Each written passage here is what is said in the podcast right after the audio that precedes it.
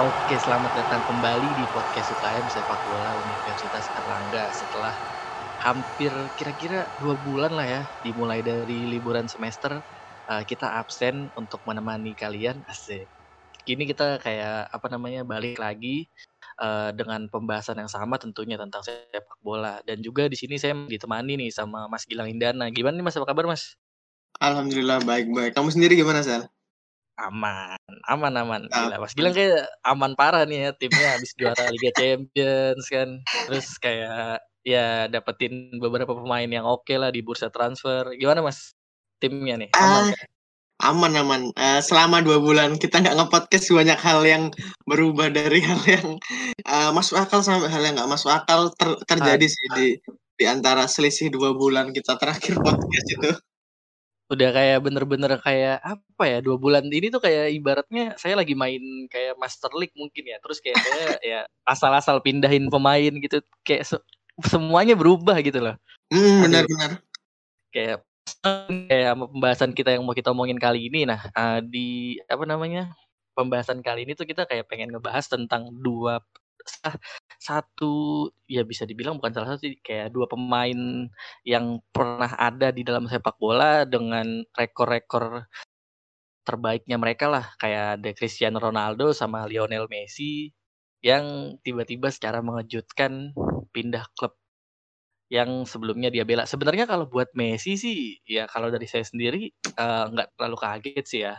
Soalnya ya emang udah ada desas-desus kencengnya aja nih. Kan dia sekarang ibaratnya juga udah pindah ke klub yang bisa dibilang apa ya punya uh, keadaan finansial yang lebih baik lah dibanding klub sebelumnya. Walaupun sebenarnya klub yang sebelumnya itu ya juga bisa nampung Messi tapi dengan uh, beberapa hal yang mana juga itu bisa dibilang ngerugin Messi tapi ya Messi sendiri sebenarnya ya udah mau lah gitu kayak buat motong gaji dan ngurangin hal, hal lainnya. Tapi sayang sayang Lionel Messi harus pindah ke Paris Saint Germain nih Paris Saint Germain kalau menurut Mas Gila sendiri nih pindahnya Messi nih ke Paris Saint Germain tepat nggak sih buat Messi maupun sama Paris Saint Germainnya um, kalau menurutku sih sebenarnya kepindahan Messi ke Paris Saint Germain itu kayak apa uh, kayak ada tendensi buat dia tuh kayak mau apa ya istilahnya kayak uh, karena emang dia tahu squad Paris Saint Germain tuh udah lengkap dengan berbagai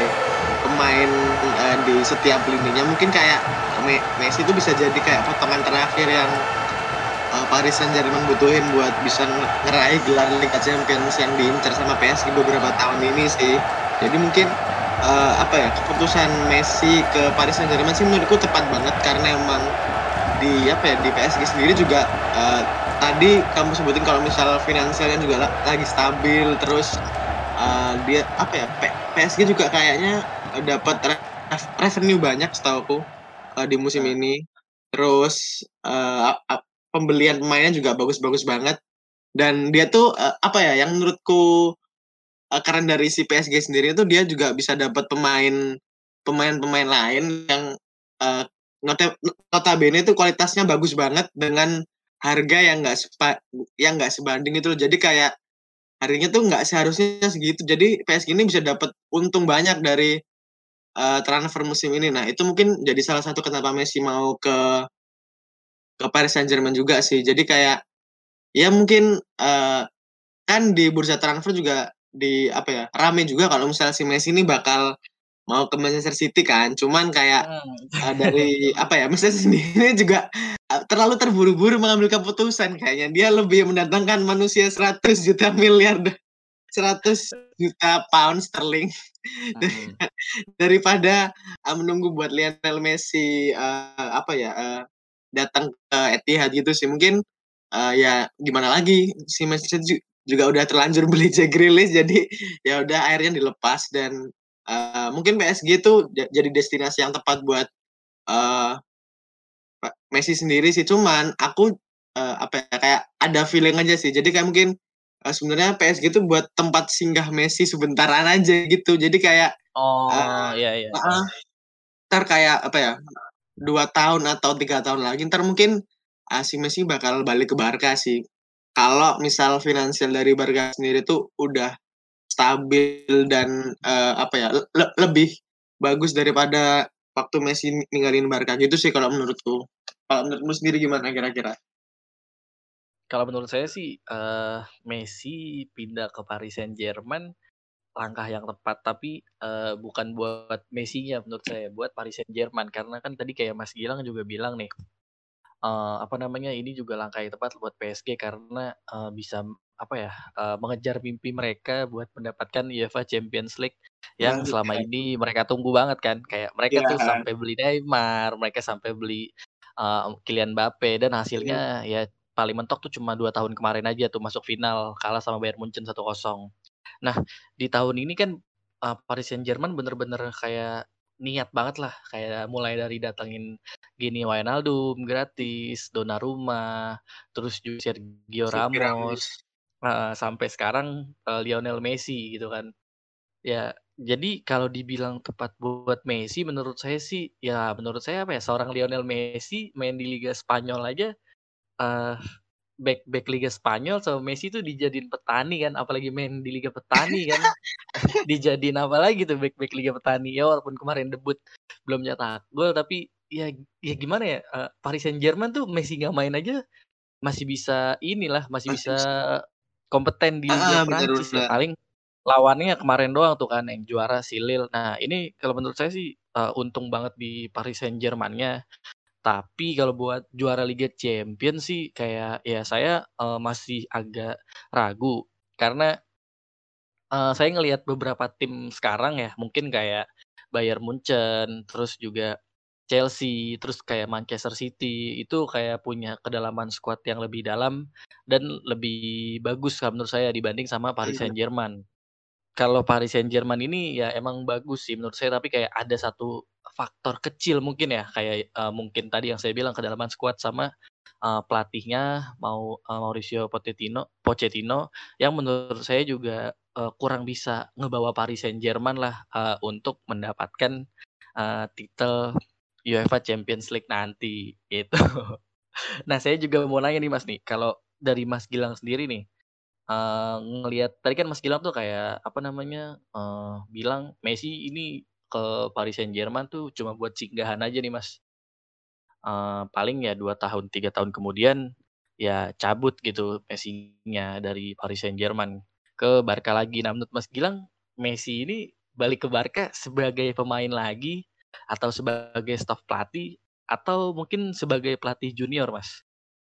Hmm, kalau menurutku sih uh, ada kemungkinan ntar uh, Messi bakal uh, apa ya bakal kembali ke Barca sebagai pemain sekaligus uh, dia bakal pensiun sebagai pemain Barca gitu jadi mungkin kayak apa, apa ya happy ending buat semuanya gitu oh, jadi kayak yeah. uh -uh, uh, jadi biar Messi nyelesain karirnya di Barcelona terus uh, ntar mungkin kayak satu atau dua tahun lagi mungkin bisa, dia bisa jadi pelatih di sana mungkin staff pelatih dulu sih mungkin kalau head coach mungkin kayaknya masih masih terlalu apa ya masih jauh, ya. terlalu ya. masih terlalu jauh sih kalau buat Barcelona sendiri itu cuman uh, yang aku ngerasain juga dari kepindahan Messi ke PSG ini juga kayak apa ya aku ngerasa kayak ada yang aneh aja gitu sama sepak bola Eropa khususnya gitu apalagi uh, waktu Asli, diumumin si Messi itu kayak apa ya dia tuh diperkenalkan sebagai pemain baru Paris Saint Germain dengan nomor 30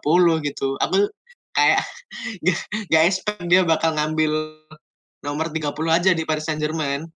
Nah, terus uh, waktu dia debut kemarin emang masih kelihatan sih kalau si Messi ini masih kayak kagok sama rekan setimnya sendiri. Karena emang apa ya uh, Messi di Barcelona itu udah kayak sistem dari Barcelona sendiri. Jadi otomatis kalau misal Paris Saint Germain datengin Messi, otomatis Paris Saint Germain juga harus bisa uh, main dengan uh, sistem yang bisa disesuaikan oleh Messi sendiri sih. Jadi mungkin uh. memang kemarin di awal debutnya tuh sebagai pengganti walaupun uh, dia masih belum bisa cetak gol, cuman seenggaknya tuh udah kayak adaptasi baru Messi buat di Liga sendiri sih. Menurutku gitu. Ya ngomongin uh, sistem sih yang saya lihat di Barca itu ya sebenarnya sistemnya Barca itu Messi gitu kan ya. Nah ya itu Soalnya makanya. Kayak, uh, kayak apa ya? Uh, harus berpusat permainannya itu emang harus hmm. berpusat di Messi kan. Jadinya kayak mungkin butuh uh, ya sedikit adaptasi ya, lah gitu ya. Walaupun emang Messi dibilang apa ya sebagai pemain profesional yang emang udah menjalani karir beberapa belas atau beberapa puluh tahun dalam sepak bola itu perlu. Nah, ini kalau dari saya nih Mas nih tanggapan dari saya tentang Messi yang balik ke Barca, mungkin saya juga setuju dengan Mas Gilang sih kayak uh, sebagai pemain dan Messi juga bakalan pensiun di Barca karena juga saya ngelihat uh, Barca juga apa ya uh, mungkin sekarang mulai uh, membersihkan dosa-dosa Bar Bartomeu kali ya sekarang Barca kayak uh, pinjemin Luis eh pinjem uh, buang kemarin Luis Suarez terus hmm. pinjemin hmm. Antoine Griezmann terus ya mulai banyak pemain-pemain kayak oh ini Pjanic juga ke Besiktas ya yang, gitu. yang barusan uh, di ini deadline day ya menurut saya Barca juga apa ya mulai ini sih rebuilding squad juga sekarang sama Ronald Koeman tapi menurut saya uh, Messi balik sebagai pemain di dua tahun atau tiga tahun kemudian kayaknya sih cukup menarik sih di apa ya Messi nanti kayak bakal menjadi leader yang bakal ngedampingin squad-squad muda Barca gitu menarik aja sih itu saya ngelihatnya kayak apa ya uh, Paris Saint-Germain ini kayak saya bilang kayak kita main Master League terus dengan budget yang banyak Paris Saint-Germain kan kayak bisa dibilang uh, kondisi finansialnya stabil ya, hmm. selalu stabil, stabil terus nggak pernah nggak stabil. Ya jadi kayak tinggal ambil siapa, aja. Beli siapa, iya ambil aja nggak usah pikirin gajinya, udah pokoknya ambil aja lah. Buat juara Liga Champions yang penting kita ambil. Gitu. Agak ini aja sih saya sama klub ini tapi ya semoga diberikan yang terbaik lah ya Paris Saint Germain kalau emang iya kalau emang nggak dapet juara Liga Champions ya dapat Liga lah tahun kemarin kan. Bener-bener tapi kalau masih juara Liga udah parah sih kemarin tahun kemarin aja kalah sama si siapa uh, si Lil uh -uh. udah kalah Terus dua kali di pembukaan musim juga uh, di pembukaan uh -huh. musim juga kalah sama Lil lagi lagi dan lagi gitu. Duh, kalau itu sampai kalah lagi sih emang nggak tahu harus diapain ini. Ada yang salah sama pelatihnya atau ada yang salah sama pemainnya juga. Iya, ya mungkin kemarin juga salah. kurang sabar sih. Atau, mungkin ya mas ya kalau kita apa namanya putar waktu sedikit, uh, apa namanya masih dengan pelatih yang sekarang di Chelsea Thomas Tuchel asik. Terus Paris Saint Germain dengan pelatih yang dulu dengan skuad yang sekarang, wah itu menurut saya mungkin monster banget sih buat, wah itu monster banget sih pasti kayak bakalan jadi apa ya mungkin Paris Saint Germain gak usah main di Liga Prancis lagi kayak ya udah udah nungguin Liga Champions saja gitu. Benar, udah gabut itu udah bakalan kacau lagi sih. Nah selanjutnya ada pemain lagi mas. Ini sih yang saya bener-bener gak nyangka ya sebagai sebagai fans Manchester United yang mana waktu itu CR pindah di tahun 2009 sampai saat ini Kayak, ya itu tiap musim tuh ada gitu uh, berita Cristiano Ronaldo mau pindah kayak, "Yuk Cristiano Ronaldo mau pulang Cristiano Ronaldo mau pulang." Ya, saya saya bahkan kayak nanggepinnya kayak, "Oh ini apa namanya, kayak berita tahunan." Ya udahlah, saya nggak nanggepin serius gitu. Terus kayak tiba-tiba dia pindah kan sebelumnya juga ini apa namanya, balik lagi ke rumor ya, kayak sebelumnya kan Manchester City juga ini kan kayak digadang-gadang uh, bakalan datengin Cristiano Ronaldo hmm. karena Manchester City bener-bener uh, minim banget nih striker tengahnya cuma ada Gabriel Jesus doang. Sedangkan uh, Pep tuh dari musim kemarin bener-bener nyari ini banget apa namanya uh, striker murni banget sampai hmm. sampai incer Harry Kane dan lain-lain. Terus saya juga aneh aja gitu tiba-tiba Cristiano Ronaldo. Sebenarnya saya udah terima dengan lapang dada dengan sangat-sangat lapang dada kalau emang Cristiano Ronaldo ke Manchester City karena saya juga mikirnya ya ya udahlah itu juga namanya sepak bola sebesar apa pun Manchester United kalau emang pemainnya mau pindah ke rival ya udah itu pilihan dia.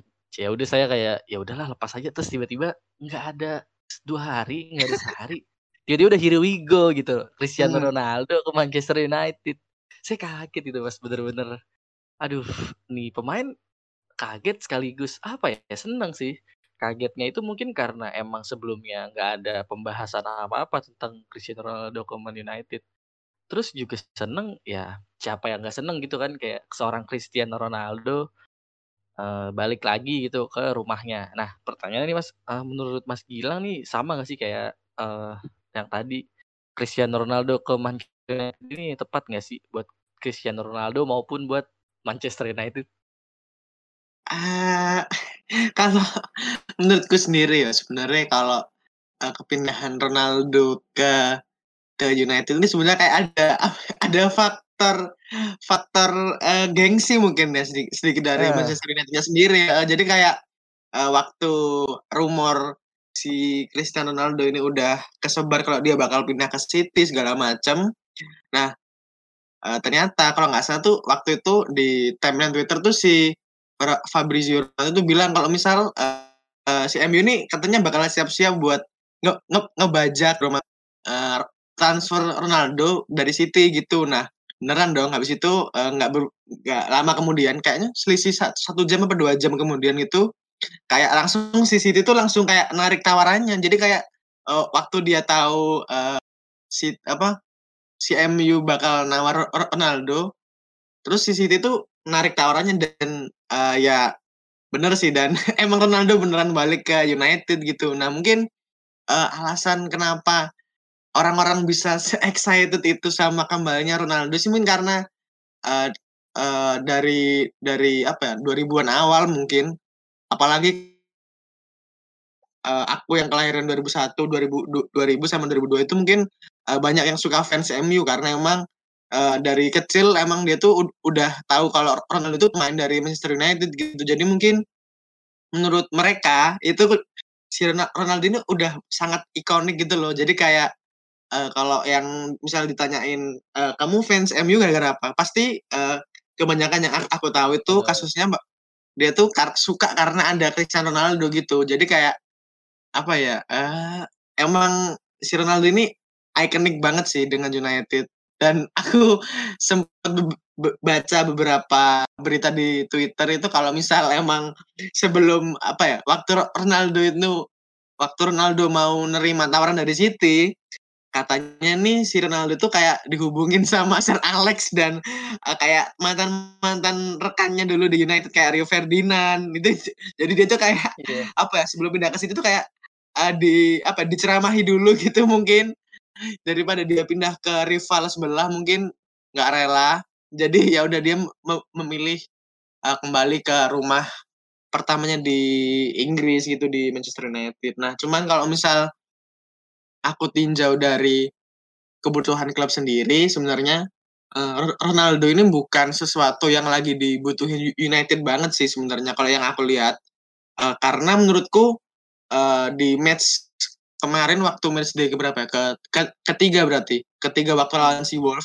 Nah, MU ini kelihatan banget kalau dia tuh butuh seorang defending midfielder gitu. Karena hmm. uh, yang aku lihat tuh si Fred tuh mainnya lagi Wah. apa ya? Lagi uh, lagi nggak stabil Kalo aja on gitu. fire deh. itu on fire namanya kalau kalau kita PTW bilang itu on fire. Lagi on nah, fire deh. Nah, menurutku dari situ emang kelihatan kalau misal si MU ini butuh banget defending midfielder dan uh, waktu deadline day kalau nggak salah itu nama yang kencang di rumah itu si Ruben Neves gelandang bertahannya si Wolf cuman uh, sampai akhir transfer selesai juga si MU ini nggak nggak nggak dapetin uh, Ruben Neves. Cuman di sisi lain uh, mereka juga dapat Cristiano Ronaldo sih yang uh, apa ya menurutku sih agak mengejutkan gitu loh. Padahal nggak salah tuh waktu aku terakhir lihat Ronaldo main di Juventus itu dia tuh masih kayak yang uh, belum ada kabar rumor dia tuh bakal mau pindah gitu. Cuman kayak beberapa jam setelah setelah match itu selesai tuh kayak uh, si Fabrizio Romano tuh bilang kalau misal Ronaldo tuh kayak dia dia bakal ninggalin Juventus dan dia bakal nyari klub baru gitu. Cuman uh, apa ya waktu itu kalau nggak salah itu emang kayak rada rumornya tuh masih uh, apa ya, su sukar dipercaya itu karena memang sebelumnya kan, uh, si Ronaldo ini, uh, sempat kena apa ya, kena, uh, kasus juga sama salah satu temennya yang kayak temen apa ya, agen kalau nggak salah, dia itu kayak temen dekat Ronaldo. Jadi hmm. kayak si temen dekat, Ronaldo itu bilang ke media kalau misal si Ronaldo ini mau pindah dari Juventus, padahal, uh, sampai kalau nggak salah Cristiano Ronaldo itu buat postingan sendiri gitu, kenapa kok dia, eh balik ke Real Madrid sih. Jadi kayak dia tuh jelasin kenapa kok dia nggak bakal balik ke Real Madrid dan kayak konfirmasi gitu sih sebenarnya. Gitu kalau menurutku. Kalau menurut kamu sendiri gimana kira-kira? Benar Ronaldo sebagai fans Manchester United? sebenarnya kan apa ya namanya ya uh, posisi striker ini Ronaldo kan kayak eee, nggak mungkin lah menurut saya main di winger. Soalnya Mmm, kayak benar, nanti heeh. Rash Rashford, ada Sancho, ada, eee, pemain-pemain lain lah yang bakal ngisi pos, eee, left winger itu. Jadi, eee, Ronaldo mau nggak mau main di posisinya Cavani sebagai striker. Nah, kalau menurut saya sendiri ya, eee, ngelihat perpindahan Ronaldo, eee, ke Manchester United ini sebenarnya, eee, kalau menurut saya ya agennya Ronaldo ini emang mancing MU sih sebenarnya Mhm untuk, mhm.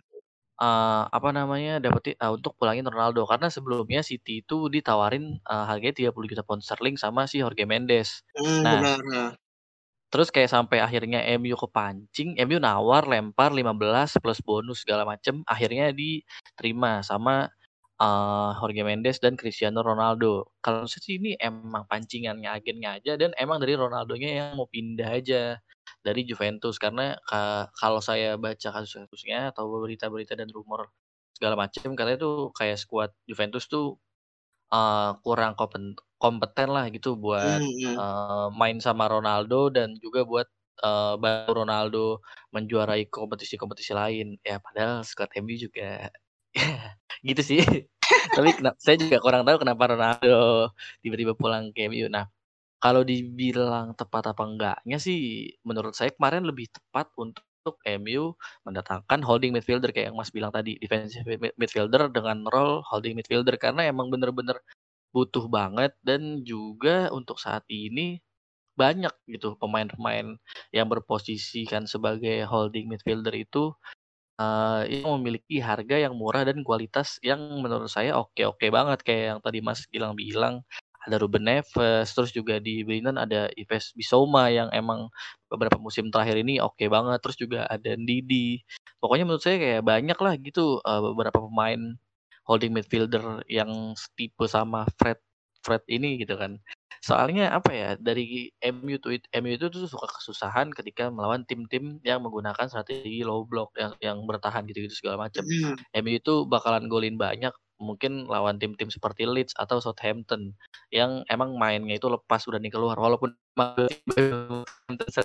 kurang paham sih kok seri ya. Nah padahal musim kemarin 9-0, aduh 1 lagi 10. Nah terus ya, apa ya, saya ngelihatnya, eee, MU ini kemarin ini sih agak salah target. Mungkin karena lagi ya, yang saya tahu tuh Mas, MU tuh harusnya ini musim terakhirnya Cavani, 1 musim Mhm. terakhir, terus musim depan MU beli striker baru. Heeh. Nah entah kenapa tiba-tiba MU numpuk 1 striker lagi yang umurnya sama-sama kepala gitu. Dan mungkin saya mikirnya Cavani tahun depan pindah, sisa tinggal sisa Cristiano Ronaldo dan MU mungkin bakal datengin striker muda yang nanti bakal di-develop lagi dan bakal dijadiin starting di beberapa tahun kemudian setelah Ronaldo mungkin pindah atau pensiun. Nah, jadi kalau dibilang tepat apa enggak sih, ya apa ya, ya saya bersyukur udah datang karena juga bisa membangkitkan semangat para pemain muda, tapi di Mhm, sisi lain MU ini punya kebutuhan lain yang emang bener-bener bisa mendorong Manchester United untuk ya bisa dibilang, eee, menyaingi tim-tim lain lah yang sekarang lagi mantep banget kayak City sama Chelsea gitu. Terus juga, eee, kan juga saya ngelihat transfer window udah tutup, terus kemarin kayak Daniel James tiba-tiba dijual dengan harga Oh, yang saya iya. kaget tiba-tiba 30 30 juta pound sterling untuk seorang Daniel James. Saya juga sebenarnya agak kurang paham sih ya, kok bisa ya 30 30 juta pound sterling buat seorang Daniel James. Mungkin emang dibutuhin banget sama Leeds. Nah itu sebenarnya kalau buat Ruben Neves tuh bisa, soalnya kalau nggak salah tuh release clause-nya 30-an juga. Ya tapi Mhm. mungkin MU lebih percaya sama seorang Fred ya, saya juga Brazilian Kante itu kan gimana ya, Brazilian Kante itu ya mungkin di mata Ole dan di mata, eee, pelatih Brazil sekarang ya emang oke, tapi ya saya yang saya lihat sama yang dilihat fans-fans Manchester United lain agak kurang sih, kayak sering lepas bola, terus juga sering apa ya namanya ya, sering miss gitulah. Nah Heeh. itu sih, Mmm. dibilang kurang tepat, tepat, tapi ya bisa datengin pemain yang jauh lebih dibutuhkan sih untuk saat ini, gitu. Terus, eee, ini Mas, sama ada lagi nih, kan tadi saya sempet singgung juga kalau, eee, Cristiano Ronaldo ini datang ke Manchester United untuk membangkitkan, eee, mental juaranya, eee, para pemain Manchester United seperti dahulu dan juga Ronaldo ini kayak mau juara. eee, lagi lah gitu di Premier League, di Champions League dan lain-lain. Nah, menurut Mas Gilang nih, kira-kira apa yang Ronaldo inginkan tuh bakal terwujud nggak sih? Entah di musim ini atau di dua atau di musim depan? Enggak deh, kalau nggak gini kayak kira-kira Manchester United ini kayak bakal nyumbangin satu trofi nggak sih? Hmm, gimana ya, eee, agak susah juga sih diprediksi. Karena emang kalau dari, eee, secara data lapangan sendiri, Cristiano Ronaldo ini udah umur 37 tahun gitu loh. Dia tuh seorang pemain yang udah berumur 37 tahun, yang 3 tahun lagi tuh bakal umur 40 dan apa ya, eee walaupun ya emang dia tuh, eee, dilabeli sebagai mesin gol, cuman, eee, apa ya, dia tuh juga di sisi lain dia dia tuh, eee, udah, eee, juga manusia gitu. Jadi kadang-kadang kalau misal, eee, si MU nih mem terlalu membebankan, eee, seluruh hal itu kepada Ronaldo, menurutku sih itu nggak nggak fair aja sih. Karena emang, si Ronaldo ini datang sebagai apa ya, dia tuh da datang sebagai mentor buat, eee, tim tim MU yang sekarang ini. Nah, kalau misal ditanya bakal, eee, bisa ngasilin tropis eee, tropis pada musim itu, eee, mungkin mungkin aja sih karena emang eee, apa ya, dari skuad sendiri aku lihat si MU ini emang udah kayak pemainnya tuh udah berada pada apa ya, berada pada fase yang udah mateng gitu sih kebanyakan, nggak nggak kayak MU yang 2 tahun atau 3 tahun yang yang lalu itu emang beda banget daripada tahun ini. Nah, mungkin kalau misal trofi sih aku nggak nggak apa ya, agak agak susah dibahas kalau misal, eee, Champions, eee, agak susah juga. Kalau Premier League sih aku cuman, eee hayangannya tuh cuman ada City sama Chelsea gitu. Jadi aku tuh masih Heeh. antara 3 itu kalau misal Premier League, eee, mungkin antara City, Chelsea, MU. Cuman kalau Champions sih aku ma masih agak ragu banget sih. Nah, kalau mu mungkin kalau kayak Piala FA ataupun piala apa ya, Carabao Cup sih mungkin aja, Iya. mungkin mungkin bisa terrealisasikan. Cuman MU nggak nggak nggak mungkin bakal matok piala yang istilahnya apa ya, eee, piala ciki gitu. Jadi kayak dia tuh mau yang bergengsi sekalian aja. Kalau misal kalau nggak Premier League, ya Champions sih, gitu pastinya. Cuman aku sih masih agak ragu kalau misal MU bakal juara Premier League atau Champions League tahun ini sih, itu menurutku. Kalau kamu sendiri gimana sebagai fans MU nih? Nah, Mas Gilang sebagai fans Chelsea aja kan ragu ya. Nah, saya bisa dibilang juga ragu sih, ragu ba bukan enggak sih, enggak ragu banget. Soalnya gini sih, eee, Pogba tuh juga waktu pas CR datang bilang kalau skuad yang MU ini bener-bener jauh lebih baik pada da dari sebelumnya. Nah, yang Mmm. saya lihat tuh emang beberapa permasalahan di belakang mungkin. Di, eee, center back itu, eee, kadang tuh kayak Lindelof tuh suka ini, suka apa namanya, kalah duel udara. Oke, Nah. diganti cover-nya sama, eee eee, Rafael Varane digantiin lagi itu. Terus juga, eee, di sisi kanan, eee, wingback itu Wan-Bissaka sering kali, eee, ya defensifnya bagus tapi, eee, buat ofensifnya tuh kurang, kurang bisa ngumpan gitu. Eee, mhm. Dalot yang sebelumnya dipinjemin ke AC Milan di-keep sama Ole. Terus ya di sisi kiri ng amanlah itu ada Shaw. Nah, di depan, eee, di sisi kanan yang sebelumnya emang bener-bener buntu banget, nggak ada winger murni, sampai akhirnya Greenwood dipasang di kanan, akhirnya MU kita dat eee, datengin Jadon Sancho. Walaupun juga tiba-tiba, kenapa Greenwood yang bagus ya? Juga saya juga aneh sih, tiba-tiba Bener Greenwood bener malah bener bagus aneh, nih. bener bener. Tuh Saya juga tiba-tiba, Greenwood tuh heeh. malah bagus. Iya, musim kemarin ditaruh di kanan agak-agak. Nah, terus di kiri juga ada Rashford yang, eee, udah sembuh dari ininya, dari operasinya dan juga, eee, di kiri saya hitung ada Jadon Sancho mungkin ya, karena Jadon Sancho multi posisi kalau di, eee, depan itu. Terus di tengah ada, eee, kemarin kan sempet agak ini juga, agak-agak risiko tuh waktu pas Mmm. pertengahan musim karena kita masih pasang Anthony Martial, asik. Anthony Marti akhirnya kan dipasang Cavani dan juga? Cavani eee, yang emang punya positioning yang bagus dan juga punya, eee, daya jelajah yang tinggi, akhirnya dikasih saingan lagi nih Cristiano Ronaldo. Jadinya posisi di depan tuh banyak saingannya gitulah. Nah, menurut saya tuh sebenarnya permasalahannya yang emang belum ketambel itu ya satu tadi, di holding midfielder yang diisi Nah. sama posisinya Fred Fred Fred dan Fred. Nah, ini kayak ibaratnya bener-bener jadi masalah yang nggak apa ya, saya aneh ini bener-bener nggak selesai gitu loh masalahnya Fred. Yang lain pada di-cover tapi Fred doang enggak.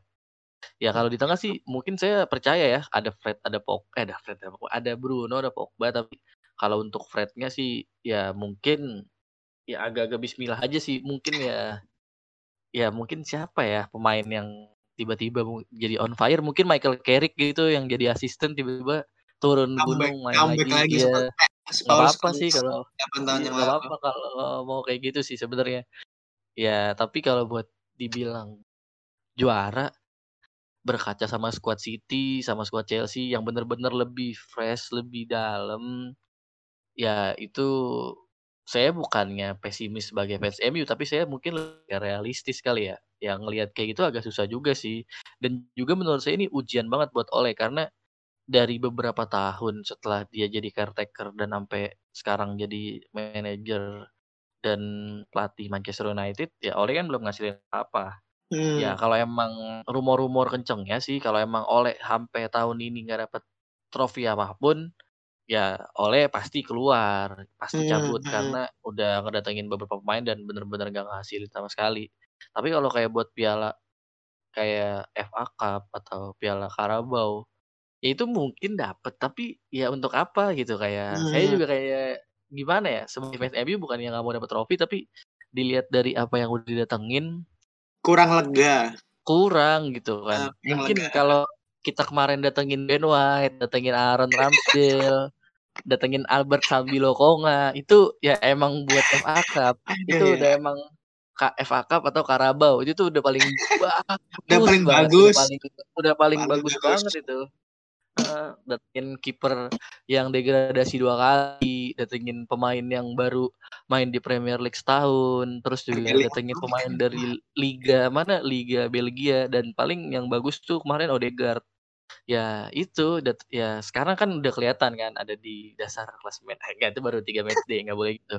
Entar di matchday terakhir ada di championship. Enggak lah, canda. Iya sih kayak kayak gimana ya atau MU harusnya bisa lebih fokus ke ini sih pencarian holding midfielder ya Hmm. mungkin di Januari, eee, bisalah ya mungkin apa namanya, eee, datengin 1 pemain ya kalau Hmm. emang walaupun bisa dibilang tuh, eee, Januari itu pembelian di bulan Januari tuh kadang gambling banget.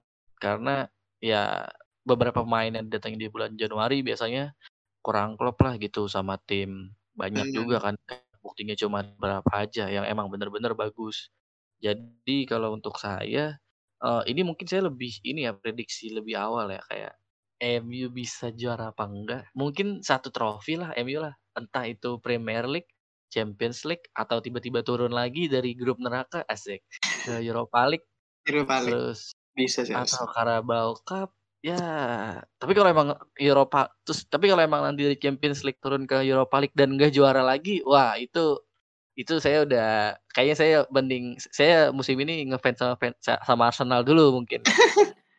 Padahal udah segrup sama Villarreal lagi loh, Liga Udah segrup sama Champions. Villarreal lagi kan, kayak harus balas dendam sih kalau bisa kalau bisa harus bisa sih, kalau bukan kalau bisa lagi harus bisa. Harus Saya bisa. bakalan nonton itu.